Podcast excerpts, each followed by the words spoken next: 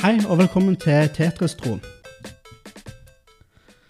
Eh, Frode, er det greit at jeg eh, tar en sånn litt sånn personlig vri og så skryter litt av faren min? Helt fantastisk. Ja, da, gjør jeg det.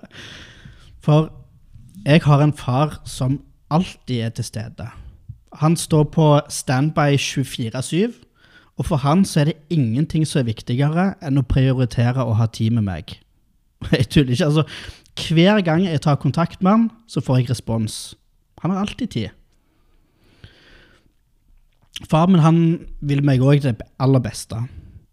Men det er ikke sånn at han trenger det på meg. Um, han sier gjør du det, så sånn som jeg sier, så kommer det til å gå godt med deg. Så er tingen er det at hvert eneste råd han har kommet med, har nettopp gjort det. Det har gjort livet mitt bedre.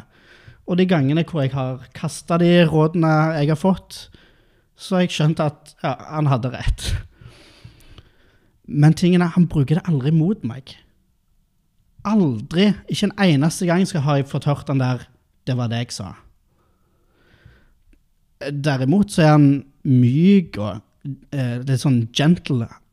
Han sier ofte at han elsker meg, og ikke som et tomt ord, men gjennom handlinger som han gjør. Jeg har aldri kjent på en sånn ubetinga kjærlighet som det han gjør. Og ofte så får jeg gledestårer bare jeg tenker på det. Og sjøl når jeg står midt i store kriser i livet, så hjelper han meg til å holde roen og kunne se fremover.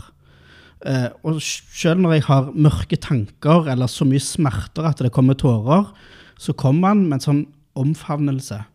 Og når han gjør det, så vet jeg at alt kommer til å gå fint. Noe jeg syns er skikkelig leit, det er når jeg skuffer eller sårer de som står meg nært. Jeg har både skuffa og såra faren min flere ganger. Jeg har trossa han, jeg har krangla med han, vært frustrert på han, jeg har lata som jeg ikke har kjent han og vært flau over han, og i perioder har jeg faktisk ghosta han.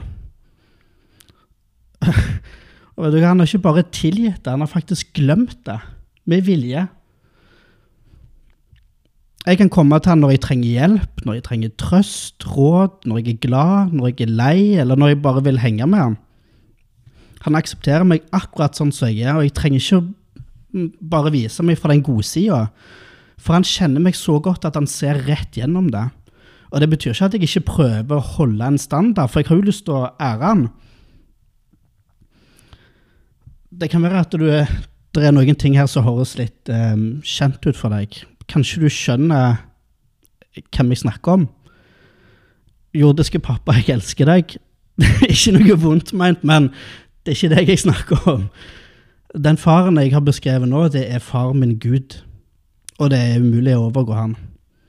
Og jeg vet ikke hva tanker du får når du hører denne her, sånn som jeg beskriver Gud. I Bibelen, i, altså i 1. Johannes 3,1, så står det at når vi blir kristne, så kan vi eh, kalles Guds barn.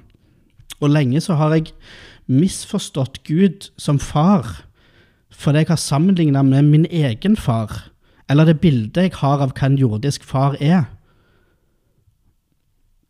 Jeg vet ikke hva forhold du har til din far, men det jeg er sikker på, er at Gud mer enn gjerne har lyst til å være faren din.